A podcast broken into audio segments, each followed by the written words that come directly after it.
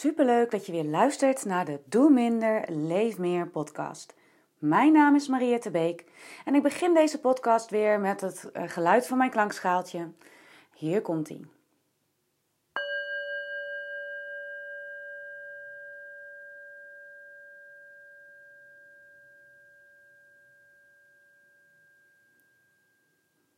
En zo kun je eventjes een moment nemen om even aan te komen bij deze podcast.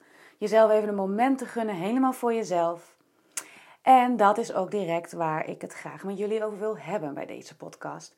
En de titel zegt het eigenlijk al. Waarom uh, zorgen voor andere mensen egoïstisch is. Dus misschien merkte je direct al wat weerstand op toen je dat las.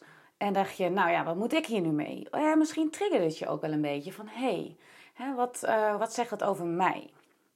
En um, het is niet een makkelijk onderwerp, want um, ik kom veel mensen tegen, vooral uh, naar aanleiding van mijn vorige podcast over jezelf de tijd geven om te mogen helen, heb ik best wel wat uh, reacties gehad van mensen die aangaven van ja, oké, uh, mooi verhaal en ik begrijp dat ik de tijd mag nemen om te helen van dingen die mij zijn overkomen in het leven, maar ik heb ondertussen een gezin draaiende te houden of ik moet gewoon naar mijn werk. Dus hoe kan ik dit nou doen? En uh, terwijl dat ik eigenlijk gewoon er ook voor anderen moet zijn.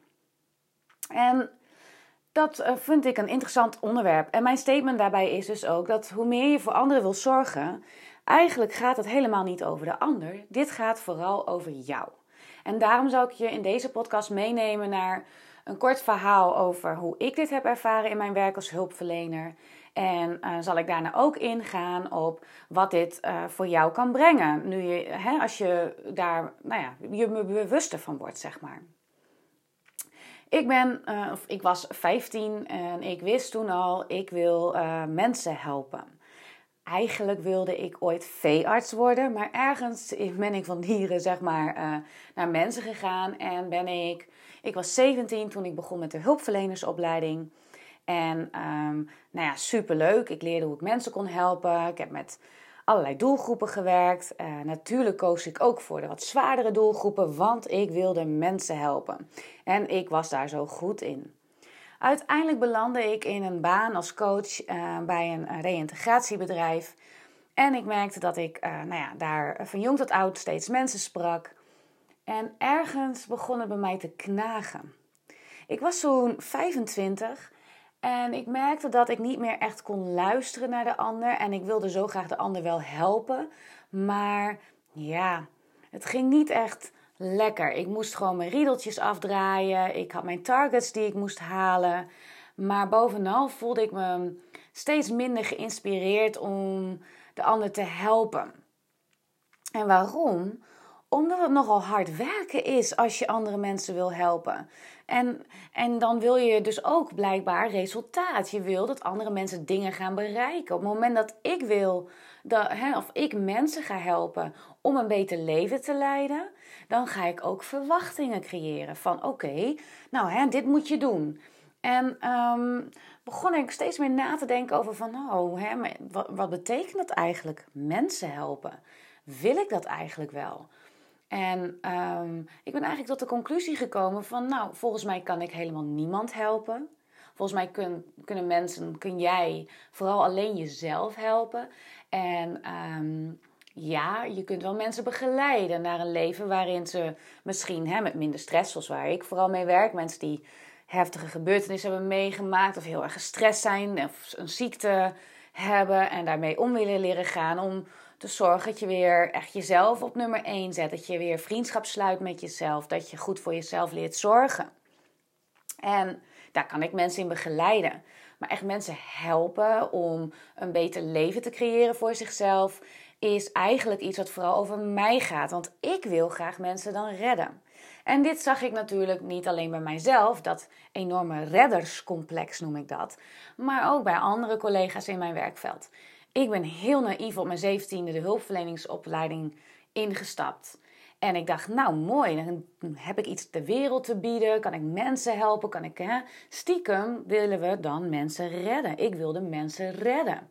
Maar waarvan? En ik zie dat dus nog steeds wel om mij heen gebeuren. Dat we zo graag andere mensen willen redden. En het grappige is, dit gaat dus niet over de ander. Dat jij mensen wil redden of wil helpen of er voor anderen wil zijn, gaat vooral over jou. Dat jij vindt dat andere mensen iets nodig hebben. En als ik dan vraag van goh, hè, heb je ook bij die ander wel eens gecheckt, bijvoorbeeld bij je partner, of hij dat echt nodig heeft? Echt 80% van alle antwoorden is dan nee.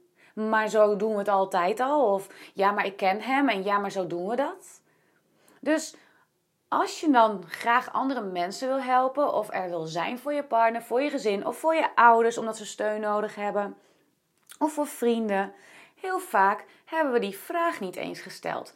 Wil je deze hulp van mij? En zo ja, wat kan ik dan voor je doen?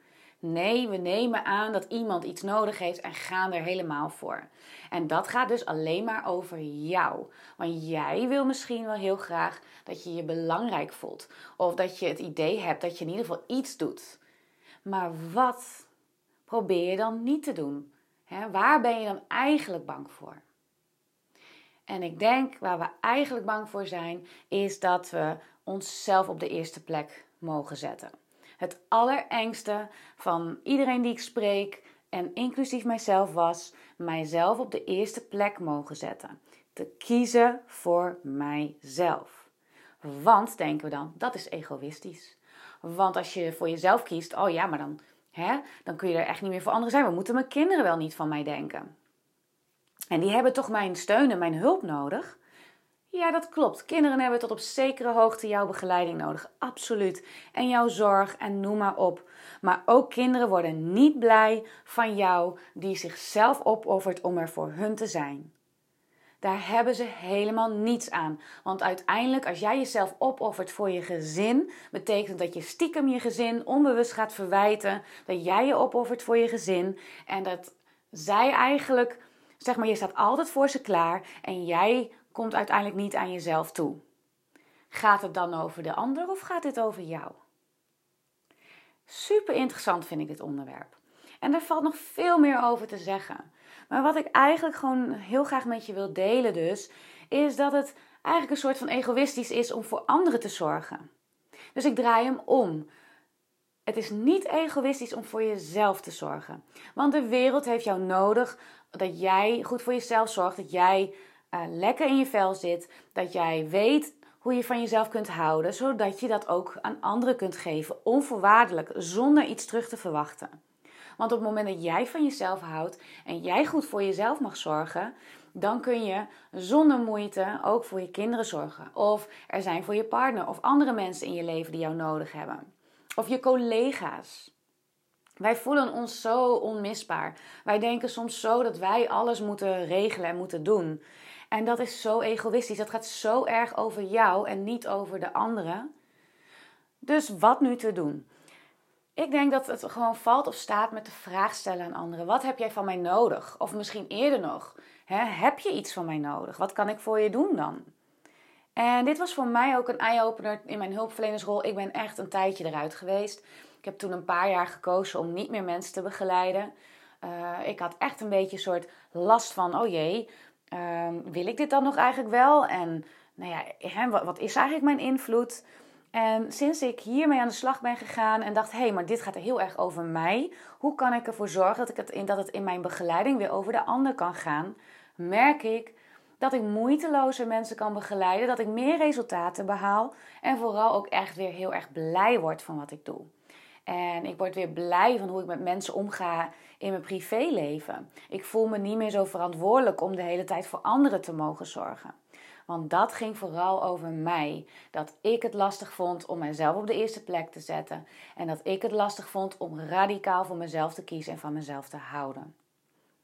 Dus ik hoop dat dit je wat inspiratie heeft gegeven. Misschien schuurt het wat of vind je, hè, roept het wat weerstand op. Dat kan natuurlijk ook. Ik wil je in ieder geval meegeven: wees vooral heel vriendelijk voor jezelf. En vraag jezelf af: oké, gaat het over mij of gaat het over de ander? En als het over jou gaat, wat heb je nodig om goed voor jezelf te zorgen? Want dat mag. Daar is niets egoïstisch aan. Goed, genoeg gesproken. Uh, dankjewel voor het luisteren naar deze podcast. Heb je vragen, dan kun je me altijd even een mailtje sturen naar info@mariaterbeek.nl of kijk op mijn website www.mariaterbeek.nl. Wil je deze podcast delen? Doe het vooral. Vind ik alleen maar leuk. En ehm, nou ja, wie weet tot een volgende keer. En ik laat het klankschaaltje weer even luiden als eindsignaal van deze Doe Minder, Leef Meer podcast.